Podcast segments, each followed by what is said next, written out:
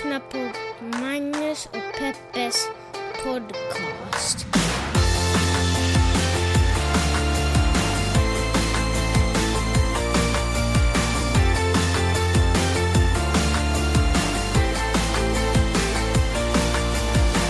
Hallå internet och hjärtligt välkomna till denna familjemiddag, vad vi ska kalla det för, som kallas för Magnus och Peppes podcast. Nu sitter Maj-Lis här bredvid oss i bordet och sätter fingret mot läpparna och, säger, och signalerar att vi ska vara tysta.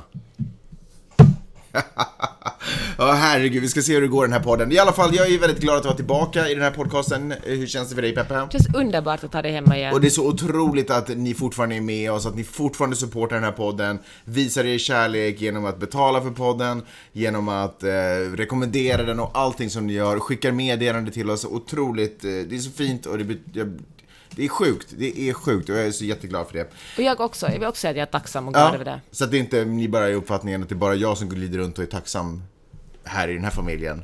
Hashtag blessed. Hashtag blessed. Hör du, eh, förresten, tecknet för hashtag är ju att man gör ett peace-tecken med högerhanden. Sen gör man ett peace-tecken med vänsterhanden. Så lägger man ihop dem, man klappar dem på varandra. Det är så. Ja, så det har jag lärt mig. Vilket fall som helst, eh, det här är en podcast där vi pratar om de stora och de små händelserna i världen och så gör vi det ur ett feministiskt, journalistiskt och mediegranskande perspektiv. Någonting kort du vill säga om veckan? Jag förstår att du har börjat tillbringa mycket tid med en annan häst nu. Tony har ju varit din största eh, kärlek eh, I livet. i livet någonsin, i din livshistoria. Ja. Hom, liksom hashtag homo sapiens. Eh, men nu har du en annan häst, berätta. Min, eh, den hästen jag rider nu för tiden. Jag vet inte, har du någon annan häst? Nej men jag har en annan häst, jag Ja, har en berätta. annan Magnus. Gus heter den hästen. Gus. Ja. Aha. Ett eh, G-U-Z. S. G-U-S. Mm. Ett, eh, men hur intresserade folk av mina hästar? Jag vet inte, men Ett berätta. varmblod, superhispigt. Ja. Igår skulle jag rida honom men han var för hispig så... Var det den som är på att kasta av dig häromdagen? Ja. Ja. Känns det coolt? Men alltså när jag var yngre Känner du dig som Lucky Luke när du rider? Ja, men när jag började rida igen efter sommarpausen och jag skulle rida gas och alla var sådär, ta det försiktigt sen, han har varit en dåre hela sommaren. Då kände jag faktiskt, tror jag, för första gången i mitt liv, är det här verkligen värt det? Borde jag skydda mig mer än jag gör? Kom, Mhm. Ja. Tänk om jag nu faller och bry- bryter ryggraden. Vad säger vår försäkring om det, tänkte jag. Den, den kommer inte gilla att du faller av hästen och bryter ryggraden. Men, eh, men så tänkte jag så här, åh, 16-åriga Peppe skulle skratta ut mig om Ja. jag fegade ut nu. Men kan vi också säga att 16-åriga Peppe är ett, var i ett annat skick än vad du är i? Ursäkta? Nej men alltså, jag menar inte att du är i då, dålig kondition och så, men eh, Du 16 menar bara att jag, var, jag är gammal nu? 16-åriga muskler är mer elastiska än vad... Jag, jag vågar inte Du säga menar nu hur 16-åringar gammal har du inte benskörhet? Nej men du förstår vad jag menar. Jag förstår. Men det är i alla fall lite läskigt och lite roligt när en häst försöker slänga av en. Ja. Kul, eh, annars så har det ju brunnit i USA ganska mycket och då menar jag inte skogsbränder utan jag menar papperskorgar. Har du hört talas om det? Nej, det är jag faktiskt inte. Eh, Det är nämligen så att Nike gick ju ut och supportade den här eh, amerikanska Colin fotbollsspelaren som, Kaepernick. som took a knee, som det, som det så starkt heter. De gick ut och supportade och då har du massa citat, citat, eh, patrioter eh, för, liksom, ja, blivit arga på Nike och bestämt sig för att bränna upp alla sina Nike-kläder. Kommentar Peppe? Alltså det är så roligt. Det är så otroligt. Jag såg en video där någon faktiskt gick och köpte Nike-produkter för att bränna upp dem. Ja, Men alltså, alltså, bara i ursäkta. ka- ett kapitalistiskt samhälle går Nej, man men- och köper saker för att kunna göra en protest. Men då fattar de inte att de då ger sina pengar åt Nike. Ja. Det är så otroligt komiskt. Och så dessutom för, för, tar de bort möjligheten att, eh, att skänka de här kläderna till kanske veteraner eller någonting som behöver dem, så istället bränner de upp dem. Ja, det är så roligt. Eller det är ju så det sorgligt roligt, det är egentligen. tragiskt. Men hör du, eh, nu kommer jag den cyniska personen i den här podcasten in igen Jaha, och det, säger Nike att... gör det här eh, bara för att, för att arga människor ska gå och köpa deras kläder. Nej, inte därför. Jag tycker det är superbra att de supportar Colin Kaepernick. Men det är ju ingen liksom risk för dem. De kommer att vinna mer goodwill än vad Men de det kommer gör att man inte förlora ofta på det om man det. gör bra saker. Ja, men alltså nu verkar det som att de ska vara stora hjältar och det är ju superbra att de, att de, att de stöder en sån här person, så Mm. verkligen.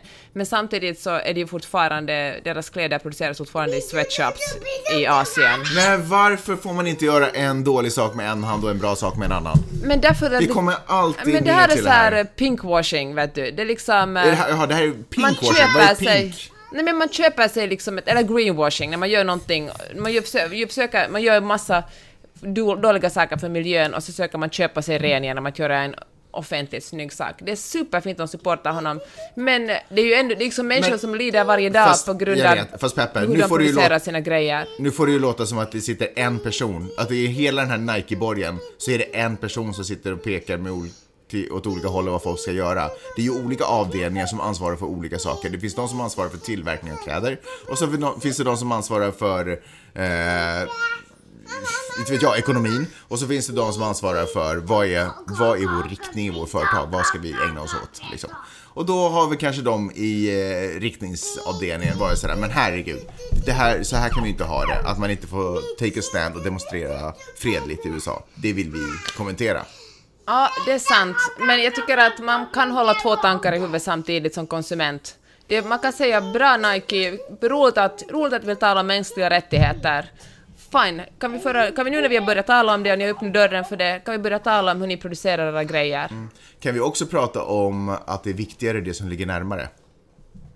Nej, alltså jag faktiskt inte i det här fallet. Jag säger, jag som sagt tycker att man kan hålla två saker i huvudet samtidigt. Man kan tycka att den här kampanjen är superbra, att de verkligen take a stand. Men samtidigt tycker jag att eh, det betyder inte att de ursäktas för hur de producerar sina kläder. Det är ju ingen liten grej, det, det är liksom grunden i hela deras... eh, alltså allt handlar ju om deras kläder. Ja. Och, och om det inte fanns någon som sydde ihop deras kläder skulle de inte ha någonting att sälja, då skulle Nike inte existera. Fast det, allting handlar inte riktigt om deras kläder därför att företagen i det här landet har ju blivit så pass stora så de är ju maktfaktorer.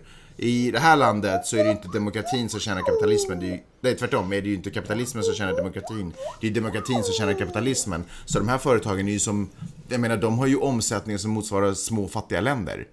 Eh, så de, de är ju maktfaktorer. Det är precis som skär, super, superstars liksom. Deras inflytande är ju otroligt. Så därför tycker jag att det är ganska fint när det, när en entitet, en enhet med den makten och det inflytandet också förklarar för sin publik vad de känner och vad de tycker om saker och ting.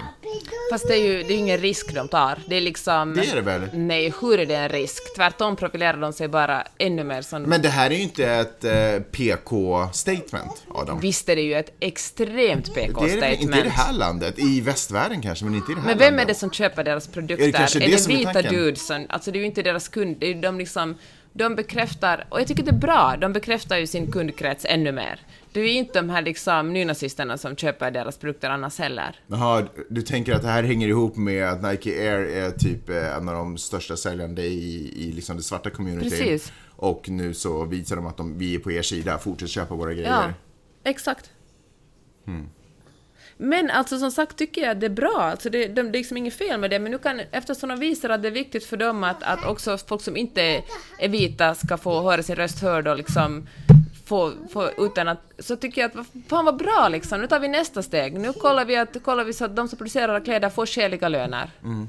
Jag skulle, jag tycker att du har rätt. Eller det stämmer väl förstås. Men jag kan ändå känna att i våra länder här hemma så skulle jag vilja se mer företag. Och då menar jag inte företag som är inriktade på, där hela businessidén är att vara grön eller någonting. Utan företag verkligen tar ställning, inte bara för enkla saker som klimatförändring, utan också politiska och samhälls...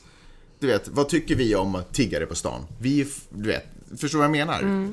Det skulle vara, jag skulle tycka det var otroligt intressant i våra länder att se sådana kampanjer för företag. För de har jag inte sett att de skulle röra. Ja, håller med om det. Där- alltså, där är företag, verkligen- Du menar att alltså, företag i Norden är ängsligare än företag i USA? Way ängsligare. Men det kan ju bero på att de också är mindre, inte vet jag. Mm, de har mer att förlora. Men jag, men jag tycker att det skulle vara mycket intressantare att se Eh, just av den anledningen att det är också entiteter i makt. Nu kanske vårt demokratiska system är lite annorlunda uppbyggt. Så de, företag i Sverige har kanske inte riktigt lika stor makt som företag i USA har. Men det skulle vara väldigt intressant att se företag kliva in och inte vara så ängsliga och försvara sin kund, eller liksom vara rädda om att förlora kunder, utan det här står vi för också. Mm. Nej, men jag håller med dig. Det, faktiskt. Verkligen. Och sen verkligen kunna put your money where your mouth is. Verkligen inte bara säga att det här står vi för, utan verkligen försöka göra en konkret alltså handling gentemot den, det de står för. Hörde du att Louis CK gjorde comeback för några veckor sedan? Har du hört något skämt? Uh, nej, han, alltså jag, jag har läst, jag hörde inte, för ingen spelade in det här, så det är liksom bara andrahandsinformation exakt Men vad gjorde han om. comebacken då? I en överrask på, i New York, på en överraskningsklubb. Typ bara en kvart steg han upp på scenen. Finns det överraskningsklubbar? Nej men... Då vet jag inte, så här, är det så att man går in och blir överraskad eller är det bara en överraskning att klubben finns? Man går in i en mataffär så är det egentligen en stand-up-klubb. Det är ett superbra koncept egentligen. Okej, ja. Lamporna släcks ner, det kommer upp en liten scen. Exakt. Surprise! Ja men i alla fall, och det är nio månader sedan han blev eh, inte bara anklagad utan han erkände också för att under en lång tid eh, ha haft i, sagt i system att, st, att onanera framför kvinnliga komiker. Han satte det i system, var det så? Ja. Ja, men han bjöd in kvinnliga komiker till sin loge och sen eh, onanerade han framför dem. Vadå? Varför ser du ut Mhm. Men sådär? Jag vet inte om det var så riktigt, men Men skitsamma. hur gick det till? Nej, exakt så gick det till. Ah, Okej, fine, kör. Och eh, nu kände han att nu var han redo att göra comeback och Mm. det har han faktiskt, det har han blivit kritiserad för. Betyder det här att... ah, Okej, förlåt. Ja. Publiken Jag på- tänkte göra ett skämt med... Ja, Ja men skämta bara om sexuella trakasserier. Okej. Go for it Magnus. okej. Betyder det här att- han kommer igen? Alltså, jag var ironisk. Jag menar inte att du skulle dra det skämtet, men herregud. Vi helt förlorat liksom eh, Förlåt. Ja. kontakten med varandra. Kör, fortsätt. fall. Och då, på klubben hade man klappat, bara en person hade tydligen kommit upp efteråt och sagt att det här tyckte jag inte var okej, ni kunde ha förvarnat oss att en, eh, en person som är en känd eh, offend, vad heter det? Sex offender. Sex offender Ja. ställer sig på scenen. Och, eh, och vad tycker du, är det för tidigt? Är nio månader tillräckligt lång tid för, eller är det en för kort tid för att för Louis CK att göra comeback? Känner du att det här är en fälla? Ja, men alltså, är inte det svårt att svara på utan att ha hört materialet? Alltså, jag tycker att man måste få säga förlåt. Man måste få bättra sig. Och man måste få komma ut på andra sidan som en ny människa. Man kan inte för evigt, beroende lite på vad brottet är, men det kan inte vara så att man Men nio månader? Ja, jag vet inte, det är en graviditet, är inte det symboliskt och härligt? Nu har han ruvat på det här i nio månader så kommer han ut som ett nytt liv. Tänk om Louis CK inte ska onanera framför kvinnor utan gett ut örfilar. Skulle det då vara samma sak? Han skulle vara känd för att ta in folk i sin loge och smacka till dem ordentligt. Skulle inte det varit bättre? Helt ärligt. Ja, då, då, då kanske ett halvår skulle räcka. Ja, tror inte det. Alltså, men seriöst. nej men seriöst tänker jag så här att en, eh, jag tycker det är en alldeles för kort tid. Om en person... Nej, men det går väl inte att sätta ett datum på det? Det är väl vad man känner. Jag är färdig med min process, bra, då får du väl är det han som ska avgöra det? Nej men vem är det som ska avgöra det? Är det de andra som ska ha kommit över det? Så går det ju inte. Det kan ju inte han kan ju inte sitta och vänta på att världen ska ha kommit över det. Han måste väl testa. När han har, känner att han har gått igenom process, han har gått igenom, lärt sig någonting, kommit ut som en bättre människa. Inte vet jag, jag hoppas att han har tagit det seriöst. Jag hoppas att han jobbar på sin personlighet och sina urges och vad det nu kan vara. Och sen så har han kommit ut som en ny, förhoppningsvis bättre människa. Tvärtom visar det här ju bara att vita snubbar kan göra vad som Nej. helst. De bara ursäkta, ursäkta. Men vem som helst får vara, göra vad Nej. som helst, man får testa. Men ingen, nej men här, jag tycker det är otroligt Nej men respektlöst. okej, nej men jag vad, tycker- vad men är visst bäst är det det? Nej, det är det inte. Men Vad vadå, efter nio månader... Han, Men vem alltså, är det som ska säga när han får komma ut då? men- Tillbaka? Det, fin, det finns ingen som polis, men jag tycker det är otroligt smaklöst. Jag men när, det, får han, när skulle han få komma jag ut tycker, då? kanske vänta några år, eller till exempel så här, men herregud, inte ens ett år, det var någon som gjorde ett skämt på. Twitter och sa att jag använder fortfarande samma shampooflaska som när han stod och Ja, onane- när men det är ju två fel då i samma mening. Nej, det är det faktiskt inte. Tvärtom använder vi alldeles för mycket shampoo. I alla fall. Men eller så kanske han borde ha gjort en grej av det, för han hade inte nämnt det här med minsta ord i sin, i sin eh, Kan vi också... show. Han borde kanske ha talat om det, Ja, men om hörru. det här, och inte bara låtsas som ingenting. Men sen var det ju inte så att det vi pratar om nu är att han precis har släppt en ny comedy special på HBO. Han, gjorde, han hittade ju till och med en överraskningsklubb i New York och gick in dit för att testa. Hur, hur känns det här att göra igen? Är det för tidigt? Känns det rätt? Hur tar publiken emot det? Är det för tidigt? Känns det rätt? Det här var, han annonserade inte om det här i New York Times. Kom och träffa mig på min överraskningsklubb. Utan han gick in och gjorde det. Superdiskret. Det här är ju vad hans jobb, det här är ju säkert hans liv. Ja, men nu, det får han väl få förstå, nu testa. förstår han att det är för tidigt. Kan hoppas han tagit till sig signalerna, det här är för tidigt. Det Men- kanske men var om det- 200 pers i publiken och en kom fram och sa att det här var inte okej. Nej, det var inte som det var en väldigt liten klubb. Men, Det kanske var 50 och en sa att Ja. det inte var okej. Då kanske han tänker att det är 49-1. Det ja, men det du har kanske läst att folk har skrivit och förstått att det är för tidigt. Men, folk, skri- folk vill bara tycka på Men sociala medier. nej, fy fan Det vad inte- vidrigt för Ja, de men det- kvinnorna. Men alla som någon gång har varit med om en blottare vet ju hur obehagligt det är, hur otroligt vidrigt det är att det står en man och runkar av sig framför en. Fy fan vad vidrigt det är. Och så ska man bara säga, men han är ju, det bara Kay, han menar ju inga illa. Han stod ju bara alltså han använder Nej, ju men sin det är ju inte maktposition. den konversationen vi Nej, har nu. men kan vi tala mer om hur traumatiserade de här kvinnorna är? Kan vi tala liksom om offren? Är det liksom... Ja. Nu, det, det vi vi talar om är att det är, inte, är det en vit snubbe, det är inte så farligt om du gör något obehagligt. Du kan alltid göra comeback. Kom Fast han tillbaka, skulle ett inte halvår, sluta nio göra månader. stand-up comedy. Han skulle ju aldrig ha gjort... Det var inte, det var inte com- comedy-grejen som var fel. Men hela Det hans var ju- comedy handlar ju om honom som person. Det, Det är ju var han som... Men det var ju hans... Men ingen hade brytt s- Alla hade fortsatt älska honom om det inte hade varit så att han också betedde sig vidrigt. Det är ju det han ska sluta med. Det är det han... Men vet du vad, det finns otroligt många aspirerande komiker, inte minst kvinnor, som gärna skulle ta hans plats. Fast kvinnor är ju bara inte liksom lika bra. Men fuck you. Nej, jag skojar bara. Nej, men, Men, alltså, förstår du det? Att det liksom, han är ett yttersta exempel. Han, när han gör sin stand-up talar han ofta om hur liksom, han, han är en antirasi, antirasistisk, han är feministisk stand-up. Men när det verkligen kommer till saken så tar han gärna upp plats för någon annan. Han liksom... eh, För att han kan. Och det är väl det som är liksom essensen i att vara vit snubbe. För att man kan. Varför skulle man ge med sig av sina nej, privilegier? jag tycker för att du eh, han- väljer att läsa det på, du väljer att läsa det på ett visst sätt nu. Du väljer att läsa det Alltså jag tycker det ska vara otroligt, alltså man verkligen var den han säger att han är, håll dig tillbaka då. Gör, gör någonting, skriv någonting, Jag tycker skriv att någonting han för någon smyger annan. in på en klubb är att hålla sig tillbaka. Jämfört med de Visa- arenor han har stått på. Vi, det är bara fråga om tiden han står på en arena igen. Det så här börjar det, försiktigt smyger han sig Men fram. då finns det ju en liksom. anledning om, om han får bokningar. Det kan väl inte, vad ska han... Men vad fan, det här är liksom, världen är ju full av vita snubbar som vill se honom, som tycker att det bara är skönt att man kan, så, att han Så är då så, då har ytterligare, han en publik. ytterligare en bekräftelse på att man som vit snubbe kan göra vad som helst utan att bli bestraffad Fast för det. det- det. Ingenting har några konsekvenser. Fast det är tror bara, jag inte. Jag kör tror- bara, KBK, kör bara, Nej, kör. Jag Du tror, kan- att, jag tror att eh, metoo har lärt oss att det inte är okej, så det tror jag faktiskt inte stämmer. Jag tror att han kommer få gig om världen är redo för det. Ja, men världen är ju full, som sagt, av vita snubbar som gärna betalar. Jag tycker att det är inte så farligt. Jag bryr mig inte om någon annan snubbe står och onanerar framför mig. Nej, för men du är jag inte heller det kvinna i ett Jag patriarkat. tror, inte det, jag tror inte det stämmer, jag tror att världen har förändrats. Ja, no, jag Och det... jag kan, inte, jag kan inte klandra honom för att han testar. Ja, men vadå, han, är ju så säkert för honom. Det finns ju ingen risk för det, honom. det, det, vet ju inte du alls. Det, det känn, Ja. du, du känner ju att det vill vara så, så att du kan fortsätta ha argumentet att världen är till för vita snubbar nu. Men det är ju så, håller du inte med jo, mig men i jag det? håller med dig om, i i princip håller jag med dig om det, men du måste ju väl också se en förändring? Du har väl också noterat en förändring? Ja, fast det är två steg framåt, ett tillbaka. Ja, men så är det ju förstås. Så är det ju. Men Ja, vi kan men- inte foka på att det åtminstone var två Nej, steg framåt? måste Vi är fortfarande diskutera plus ett steg. Därför måste vi dis- Ja, men nöj er med det lilla. Därför Nej, måste vi få den här men det- diskussionen. det Därför måste vi tala om att är det process. för tidigt för honom? Ja, tycker jag verkligen. Vänta ett år. Vänta åtminstone Jag ett tycker år inte att det är liksom. för tidigt att testa. Jag tycker, man, om man behöver testa någonting så då ska man testa någonting. Och sen så om det inte funkar, då drar man sig tillbaka igen. Ja, jag tänker inte gå på hans eh, stand-up. Idag har svenskarna röstat inför riksdagsvalet. Sjukt. Och, och andra val också. Vad är det för andra val? Det är kommun och landsting. Där ser man. Mhm. Och jag tänkte på en sak inför valet. Det här måste vara det första riktigt stora riksdagsvalet där influencers har haft enormt mycket makt. Mm, hur menar du då? Nej, men jag tänker att... ehm, Att politikerna har varit influencers? Nej, tvärtom. Politikerna har betalat influencers för att sprida, sprida eller mer reklam för, eh, för dem i sina sociala tänk. flöden.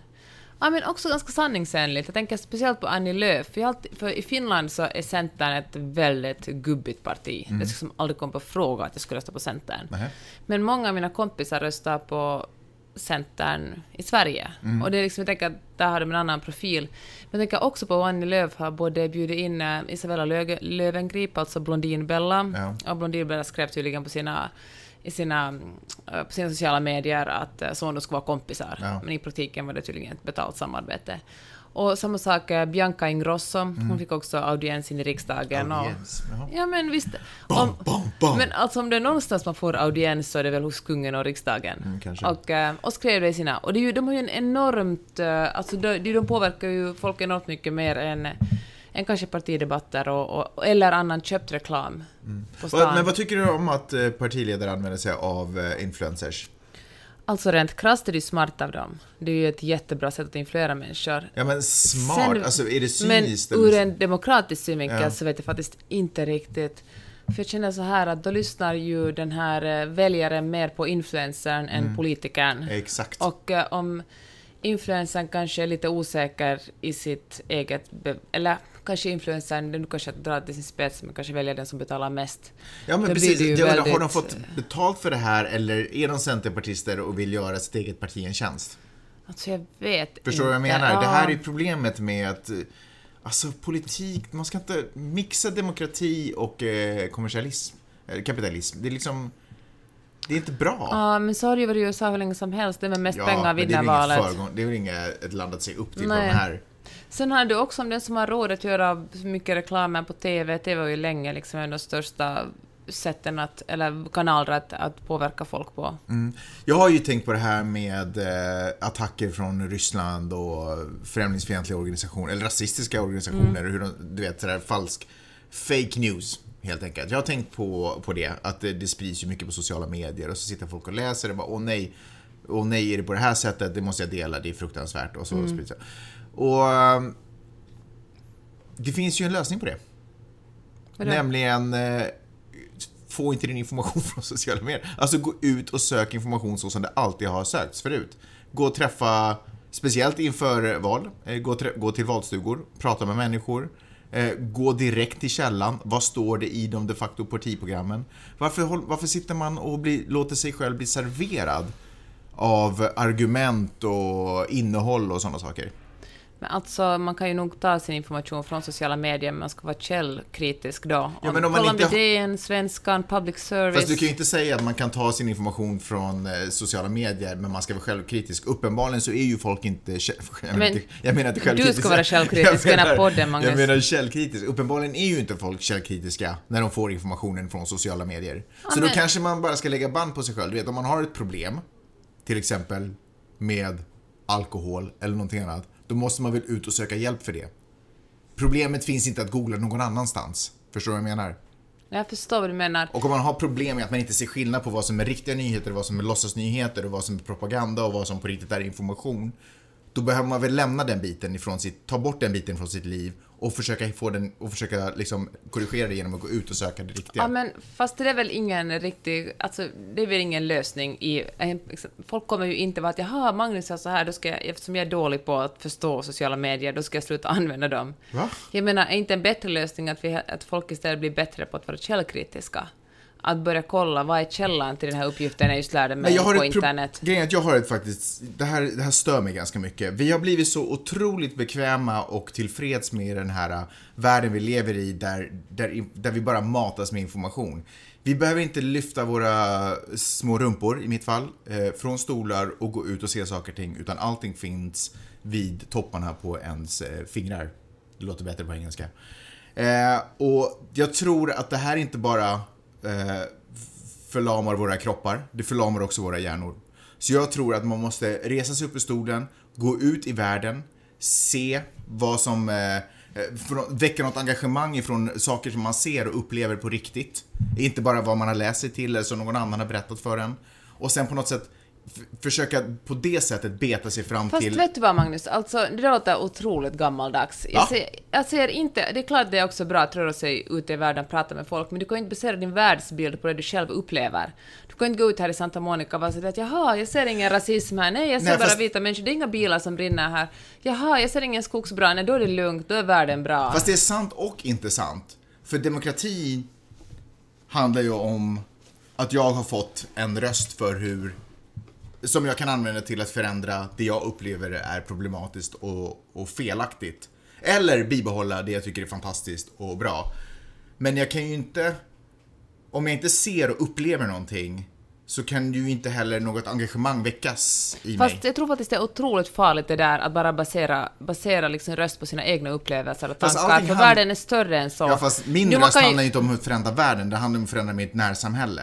Nej, riks- riksdagen är ju mer än ditt Jo, närsamhälle. ja, men landstinget tänk- och kommunen ja, är ju mycket sant. närmare. Alltså, de, har ju fler Ja, att men göra. de är också olika stora. Jag menar, tänk om du bor i Stockholm, om du bara går ut på Östermalm finns det ju en annan verklighet i andra delar av stan. Jo, fast om jag bara sitter på nätet och läser så då, då, är jag ju hela tiden i händerna på andra människors men åsikter. journalister, där handlar det ju om källkritik. Du läser Ja, en tidning, du kan journalister- läsa en lokaltidning. Journalister är, alltså det är ju journalisters uppgift att se över någonting ur ett eh, partipolitiskt obundet perspektiv och rapportera om det och Men förklara det, sätta funkar, det i sitt sammanhang. Det funkar ju inte. Vadå, det Folk får ju inte? sin information från sociala medier och kan inte göra skillnad på vad som är rätt och fel. Men då tycker jag att man ska helt enkelt lära folk att vara källkritiska. Jaha, men nu, nu kan jag ju kasta tillbaka den... Men ska vi eh, gå tillbaka till din, eh, att man ska stänga av sociala medier för folk? Och gå ut och försöka ta reda på information på riktigt. Varför är det Men så gå till ett svårt? bibliotek då, eller vad tänker du? Ja, till exempel. Eller gå till en Men vadå, Gå och prata ju- med människor. Det ena utesluter såklart inte det andra. Det är bra att tala med människor. Så- Men jag tycker faktiskt det är jättefarligt det där att basera sin världsbild bara på det man själv ser. Jag tycker- För, ja, för alltså, jag menar, folk som... Du, du har ingen Fast jag möjlighet... säger inte världsbild, det är inte det jag pratar om. Jag pratar ju om, alltså om, om jag ska gå till val så måste jag ju för det första ha ett engagemang i någonting. Vad, vad röstar jag annars om? Jag måste, ju jag måste ju ha någon form av känsla för att det här vill jag ha, det här vill jag inte ha. Och så måste vi på något sätt hitta de forumen som antingen stödjer mina, det som jag tycker är bra eller har en lösning på det jag tycker är dåligt. Och på något sätt, eh, och, och hitta dem. Men det kan jag ju inte göra. Men om du går ut på gatan och så, du, så du sådär, så du, du vet det Ja, finns supermycket ja, kackerlackor i Santa Monica, så går du ut på gatan och ser inte en enda kackerlacka, du bara men det är ju falskt. Jag kommer inte att rösta för att, att det sätts pengar på att eh, ta bort de här djuren. Det, förstår du? Alltså man måste ju kolla på statistik, ha någon som sammanställer fakta och statistik. Mm. Fast sen är det ju så att alla behöver inte engagera sig i samma saker. Bara för att du är engagerad i kackerlackskulturen här i Santa Monica så behöver inte jag behöva vara det. Jag kanske tycker att det är viktigare att vi istället bevarar eh, gröna gräsmattor eller vad jag nu kan tycka. Alltså jag menar man behöver inte, men inget av de, ingen av de här för- frågorna väcks. men- Men, det här det faktum att du tar upp en kackerlacksgrej är ju också, sådär, och nej, jag upplever att det är en massa kackerlackor här. Det är ju problematiskt. Alltså förstår du vad jag menar? Man måste ju se och uppleva saker. Om jag bara sitter vid datorn, då är det ju andras frågor som jag hela tiden får svar på. Det är ju det är Men deras tänk, budskap. tänk om det här problemet bara finns på din bakgård då? Så här, om man inte är aktiv, Jag håller också med att man ska vara aktiv, men så då blir man ju serverad men förstå, men jag tycker att du underminerar nu liksom journalistikens betydelse. Förstår du inte att journalister har som jobb, du har liksom, du kan inte ha som heltidsjobb att gå ut på stan och undersöka saker. Sluta avbryta mig nu. Men lyssna, jag tror verkligen- Nej men lyssna själv. Journalistens jobb är att, att gå ut, Ja. de, liksom deras... Det, Men idag- Mm. Att ta reda på saker, prata med experter, Sant. gräva fram fakta och servera det för dig. Det är Sant. ingenting negativt idag- med det, att någon gör det här jobbet. För att vanligt, vanliga människor, det har du också, har jobb. Du måste åka och filma grejer på dagarna, så du har, inte, du har liksom inte... Dygnet har inte tillräckligt många timmar för att du ska kunna ta reda på det som de här journalisterna har. Förstår du? Mm. Men nu är det så här, nu är ju demokrati något viktigare än att jag inte hinner gå och spela tennis eller vad jag nu än. Utan demokrati är någonting som man helt enkelt får ta sig tid. För det är någonting som är... Nej men nu missförstår du. Alltså, jag menar, du har inte tid att... Alltså, Ja, men journalistens jobb är att sitta åtta... Nej, men, Man får ta sig tid. Men lyssna nu på mig, För, förstår du inte vad jag menar? För det första har journalisten en, en, journalist en utbildning för att ta reda på saker Mm. och skriva om dem och leverera dem. Därför sitter de åtta timmar, ibland tio timmar om dagen, talar med experter, gräver i dokument Ja, och men- går på kommunalfullmäktige. Sen sätter de ihop det här paketet och ger information åt dig. Alltså, ah, Exakt. De sätter Precis. ihop paket utifrån vad de, som, vad, saker som intresserar dem och saker Nej! de... Tvärtom, som- ja, du har, ju aldrig jobbat, har du aldrig jobbat på en redaktion? Vet du inte Ja, hur det går jag till? väl. Man Jag sätter... har till och med styrt en redaktion. På morgonen sitter jag med ett möte och säger att "Jaha, vad ska vi tala om idag? Det här och det här, det här är viktigt. Det är inte så att en, en alltså, vad fan är det där för underlig agenda? Alltså, så att journalister ska ner, att bestämma liksom att Men- haha, den här saken vill jag föra Nej, fram. jag sa att du får det låta konspiratoriskt, men förstår du inte att det är ju ingenting som i princip skiljer annat än att jag vet att det är den där personen och jag litar på den journalisten. Men i princip så är det ingenting som skiljer journalisternas utpumpande av information och andra skumrask-typers utpumpande information. Om jag bara sitter passivt vid datorn så blandas ju allt det här ihop i en sörja. Och det är upp till mig då, precis som du säger, att möjligen vara källkritisk, men om inte jag har det verktyget så då är jag ju stekt. Men det jag tänker är att om man går ut och också upplever världen och också engagera sig i saker och ting utanför sitt sovrum eller sin soffa. Så då tänker jag att man också ganska snart kommer finna att det journalister skriver passar mycket bättre ihop med det jag också upplever. Det, det, det kommer finnas en viss resonans där. Samtidigt som jag tror att om man på riktigt går ut och pratar med människor från andra kulturer, upptäcker, upptäcker andra områden, så kommer man märka att den främlingsfientliga dyngan som finns, den resonerar inte med verkligheten. Ja, det var Förstår det du du skulle säga, att Sverigedemokraterna borde börja gå och tala med folk som har annan sorts hudfärg. Det håller jag helt med om. Jag Men att försöker- tro att nej, vanliga människor nej. kan vara journalister tycker jag bara inte liksom... Man kan såklart du? att vem som helst kan göra samma jobb som en journalist, det är bara att gå ut på gatan och och uppleva det som man ser där. Kul. ju... Så du förespråkar, sitt hemma, sitt stilla, låt datorn presentera all information för er? Nej, det som jag just sa, nej, jag tycker det är bra att gå ut, men jag tycker inte man ska basera sin världsbild på bara det man ser själv ute på gatan. Man måste ta till sig information också. I veckan så kunde man läsa i New York Times eh, bekännelsen från en senior member av eh, Trumps administration som eh, säger att han är part of the resistance. han och några andra arbetar aktivt, eh, både alla republikaner förstås, eh, kanske lite mer åt det konservativa hållet, eh, men arbetar aktivt för att så mycket som möjligt av Trumps galenheter inte ska förgöra landet. Så som ungefär så Det finns vuxna i rummet, det finns, det finns vuxna i rummet. Och så sa han också att, eh, jag antar att det är en han, eh, så sa han också att eh, många av de människor som får otroligt mycket skit av till exempel media och liksom vänsterriktningarna så, är faktiskt människor som också jobbar väldigt hårt för att hålla Trump, för att hålla, liksom hålla Trump i schack. Eh, och så. Trump vill ju nu att den här människan ska lämnas ut. Han pratar om högförräderi. Eh, men eftersom man, är, man får inte, ja, det funkar inte så helt enkelt. Man får, det finns ingen lag som säger att man inte får kritisera sin chef på det sättet. Eh, vad, vad känner du? Är det landsförräderi att eh, sälja ut, men jag tycker det är en feg jävel. vem då? Han som skrev, nej, Tycker utan du? han som skrev den. För att han var anonym eller? Nej men jag fattar att han är anonym, Mm. eller hen, jag tror faktiskt att det kan lika bra vara en kvinna. Men eh, det var ju en person som skrev att han verkligen står inför de här otroligt bra eh, Värderingarna. Ja, han står för, för liksom republikanska värderingar och han tycker att den här eh, skattelagstiftningen är bra Mm. i USA och, eh, och eh, men att det är liksom vissa galenskaperna står han inte bakom.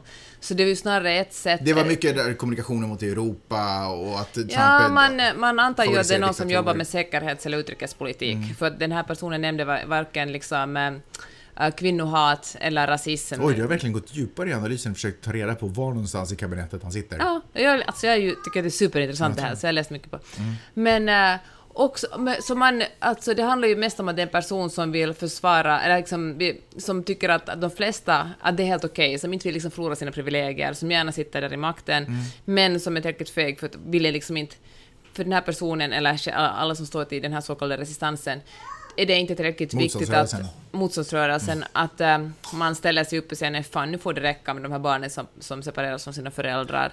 Eller, alltså det är ju Är det här ett listigt sätt att... eh, att hålla GOPs anseende. Ja, Säga att kolla vi, vi, liksom, vi stod emot, vi var inte på Trumps sida, men vi vill ändå, vi vill att ni respekterar oss, men vi är ändå inte tillräckligt modiga för att verkligen med Mm. eget namn ställa oss upp mot presidenten. Men är det här också ett listigt sätt att på något sätt, eh, inte rent två, men... Ja, men det var det jag Nej, menade. men, nej Ja. Alltså inte GOP, utan Trumps administration.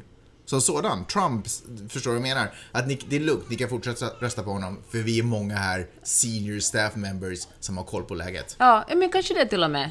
Alltså, det är ju verkligen, alltså jag tycker det är ganska äckligt faktiskt, att, att den... Och, men det intressanta var ju Mm. Varför? det... Säg. Men det, intressant, nej, men det var ju bara fegt. Alltså, inte fegt att den här personen var anonym, men, men fegt för att eh, om hen verkligen tycker så här, att hen verkligen inte har alarmerat kongressen till exempel och säger att ni måste ta bort den här människan, för uppenbarligen är han en, en fara för vårt land.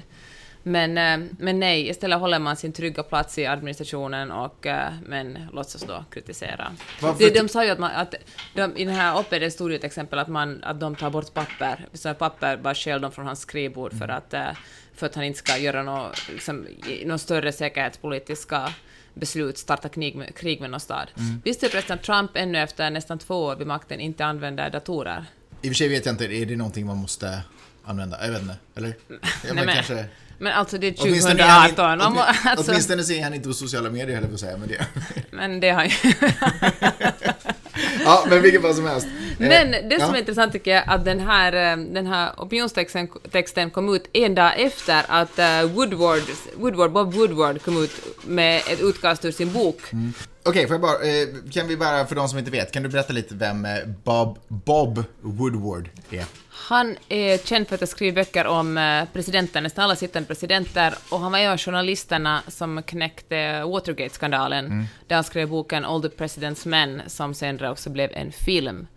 Och eh, han är en journalist med väldigt, med tyngd, alltså folk tror på det han, han säger, för det, han liksom hänvisar till fakta. Och nu inför den här boken har till exempel talat med över 100 personer som jobbar på Vita huset, i Vita huset och eh, ja, men fått, eh, fått deras... Men vad är eh, det han be- beskriver i den här, det här utkastet som man fått läsa när man skrev bland annat att, att folk, eh, han, folk kallar själva Vita huset för Crazy Town, för att det är så mycket galenskaper. Det tycker jag var nästan lite roligt det var faktiskt. lite roligt.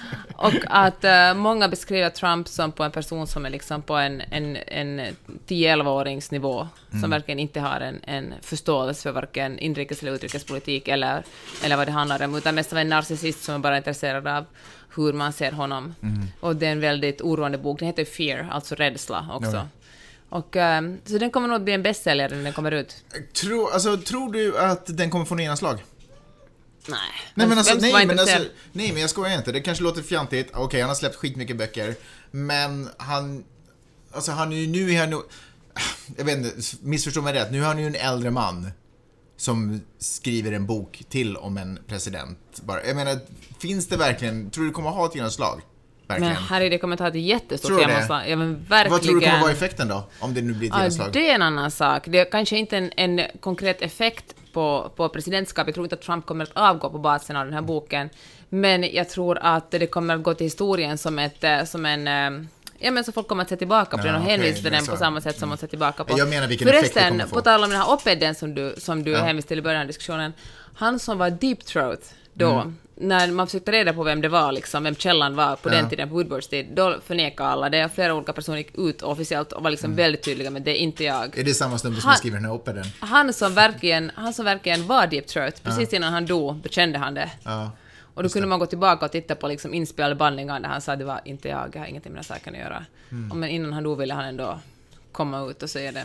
Så kanske det blir samma sak med den här anonyma personen som skriver Nej. den här texten. Det är inte en deep throat. Jag känner att det här är ett sätt att, precis lite det som du sa, rent få sitt eget parti ifrån, eh, att tvätta sina händer helt enkelt, så. Och dels också kanske eh, ett sätt att på något sätt eh, lugna, major- eller lugna folket inför den här, eh, vad ska jag kalla det för, eh, administrationen. Så. Så nej, det är nog ingen deep throat. Det är ingen whistleblower. Han har ju, det var inte så att han av, det kommer några stora avslöjanden ändå, förstår du vad jag menar? Nej, nej. Så det är ju inget speciellt. Så att Trump lägger ner så här otroligt mycket tid på att försöka ta reda på vad det är eller skapa så mycket kaos, när det finns massa andra saker han skulle kunna foka på, övergår mitt förstånd. Om jag ska vara helt ärligt. Men eh, får jag säga en annan sak? Som egentligen bara har med USA att göra och inte det vi egentligen just nu pratar om. Det var ju Labor Day i måndags. Och i det här Ghana-landet eh, som är så otroligt rädd för allting som har med socialism och allting sånt att göra. Är det inte helt skruvat att de har en ledig dag, en helgdag för arbetaren? En helgdag som dessutom kommer ifrån Du menar att det skulle vara bättre med en hel dag för kapitalisten? Han som tjänar pengar på andra människors arbete. Någonting sånt. Skulle man nästan, alltså det skulle åtminstone vara, det skulle återspegla åtminstone landet på ett helt annat sätt. Men trots att man är så otroligt rädd för socialism och alltihopa så har man alltså en dag, precis som vi har första maj och i många andra länder firar första maj, så har de den socialistiska dagen, arbetarens dag, Labor Day, som mynnar ifrån kampen när arbetarna gick ihop, fackföreningen och dessutom är ju facket otroligt starkt här, vilket är ju också underligt med tanke på, ah, strunt samma. När eh, arbetarna gick ihop och kämpade för 40 timmars dag. Kan vi inte också Eller bara- vecka. F- 40, 40 timmars vecka, precis. Ska jag också tillägga att eh, de fick inte 40 timmars vecka utan det slutade med att de fick jobba 10 timmar per dag. Jaha. Kan vi också bara stanna där? Är det inte också lite fascinerande?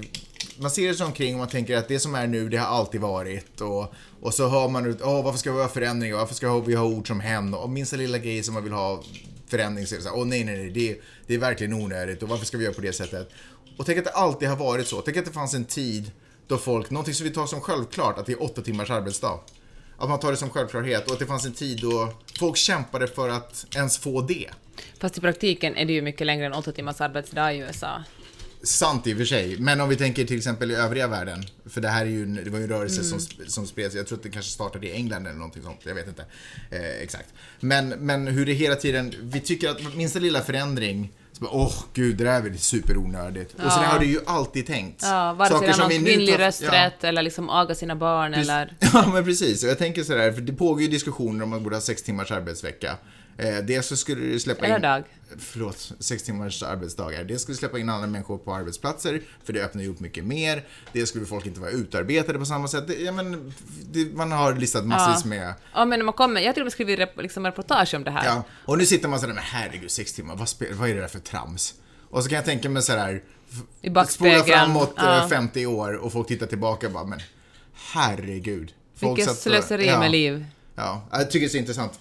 Så där är det sen. På jorden, i det stora hela. Eh, vi går vidare. Jag var i Mexico City för eh, inte så länge sedan. Eh, folk pratar ju... Folk, jag har faktiskt aldrig hört någon prata om Mexico City. Varför säger man sådär? Folk brukar ju säga... Varför säger man så?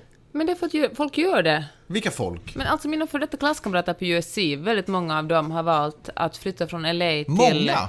Nej men säkert fem, sex. Är det sant? Ja. För att det är... Så det är ja. verkligen folk säger att det är en fantastisk plats? Ja, de liksom lärt sig spanska och, för att speciellt de som sysslar med, det finns två linjer, nyhetslinjen och konstlinjen, och Aha. de som gått på konstlinjen, för tydligen är konstscenen där väldigt bra. Det finns otroligt mycket bra, plus det är. Eller mycket, som man säger i Helsingfors, konstskennen. och eh, det finns, eh, och det är otroligt mycket billigare att bo där än att bo i LA som är en otroligt stor stad, Ja, men det- dyr stad. Det är väl allt? Så det är väl en, eh, kanske Mexico City Ja. är det nya LA. Jag var... Den nya staden. Men vänta, vänta, inte LA det nya Mexico City? Det Nej, känns men väl som det att det gått är åt det tillbaka. hållet. Det Nu har det gått tillbaka, nu är det Änglarnas stad. Anyways, jag var inte imponerad. Inte eh, det, ett dyft var jag imponerad. Det var en eh, smutsig stad där folk inte pratar svenska. Och det var väldigt, det var väldigt frustrerande för mig. Jag kunde inte göra mig förstådd. Eh, nej men alltså, jag, jag hör. Det, jag skulle, det, det som är fascinerande med staden är ju kanske historien och sådana saker. Men eh, jag bara upplevde inte det. Jag var där och jobbade några dagar. Så det enda jag såg av staden var genom ett taxifönster. Så det var ju förstås, jag kanske inte är helt superrättvis. Får jag också bara tillägga att alla bara åh, vill du äta riktiga tacos, åk till Mexiko. Jag säger så här, vill du äta riktiga tacos, eh, åk till LA. Mycket godare tacos än i Mexiko. Guisados, mycket godare till exempel. Får jag bara säga en sån alltså sak? du var där i fyra dagar, Magnus. Du håller på att bli en gammal grinig gubbe. Nej, inte alls. Nej men jag tyckte bara, nej det var, det var inte... eh, Det var inte din stad. Det var inte min stad. Men däremot så, eh, de som jag var där nere med, de drog vidare. Och de åkte till andra städer. Och, eh, och, och så fick jag se bilder och det ser ju, alltså jag säger inte att Mexiko, missförstå mig rätt här nu, Vem Mexiko. är du, Donald Trump liksom? Håller på att dissa ett helt land. Nej, nej, verkligen inte. Alltså Mexiko verkar vara ett fantastiskt land. Jag skulle vilja upptäcka mer och uppleva mer av det. Mexico City, det var bara inte min påse eh, chips. Ja. Så, så är det med den saken. Hur känns det att du inte har fått vara där? Det känns verkligen dåligt, Magnus. Känns det då? Skulle du vilja till Mexico City? Men vet du vad jag tänkte häromdagen? Nej. Att om vi inte hade barn, då skulle jag åkt med dig till Mexico City. Ja, men nu har vi två stycken. Varför gjorde vi det? Varför vi gjorde två stycken? Ja. Därför att vi älskar varandra. Eh, jag tror att vi alltid hade tid med den här veckan, eller vill du prata om någonting annat? Om... Får jag säga en sak till om barnen? Ja. Alltså vi spelar in den här podden och du jobbar mycket, så Ja. är det ju väldigt få, alltså det finns få, få stunder på dygnet vi kan spela in den. Ja. Och då händer det sig att Maj-Lis är vaken ibland. Ja. Och jag känner mig, jag tänker alltså så att det är som att vara med i någon sån här Navy Seal-träning, när hon står och skriker Så här. vid min ena sida, samtidigt som jag måste fokusera fullt ut på att låta analytisk och smart i podden, låtsas som att hon inte liksom finns här. Det går inte så bra nu. Det är som en, sorts, en form av tortyr. Ja. Eftersom det är din uppmärksamhet... Nej, men jag kan väl få prata i alla fall. Eftersom det är din uppmärksamhet de vill ha så kan ju jag fortsätta prata. Och det enda jag egentligen har kvar att säga det är tack så hemskt mycket för att ni har lyssnat den här veckan och jag tycker att vi hörs snart igen. Och ha en riktigt bra helg. Rösta rätt, men det har ni säkert redan eh, gjort så det behöver vi inte ha ångest för desto mer. Eh, nu får vi bara se hur fan ni tänkte. Eller hur vi Maj-Lis, tänkte. Hur det blev så här. Okej, jag vet inte vad jag pratar om. mer. Ha det bra! Hej då!